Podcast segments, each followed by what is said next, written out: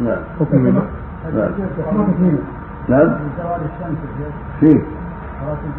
تجوز قبل خلاص الشمس قبل زوال الشمس ولكن الافضل بعد الزوال خروج من خلاف العلماء اكثر أكثر العلماء يقولون لابد ان تكون صلاه الجمعه بعد الزوال هذا قول الاكثرين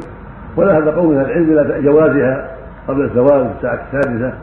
و- وفيها احاديث داله على ذلك صحيحه فاذا صلوها قبل الزوال بقليل صحيحه ولكن ينبغي ان تؤخر بعد الزوال خروجا من خلاف العلماء وتيسير على الناس حتى يحضروا جميعا وحتى تكون الصلاه في وقت واحد هذا يكون اولى والا فهي مجزئه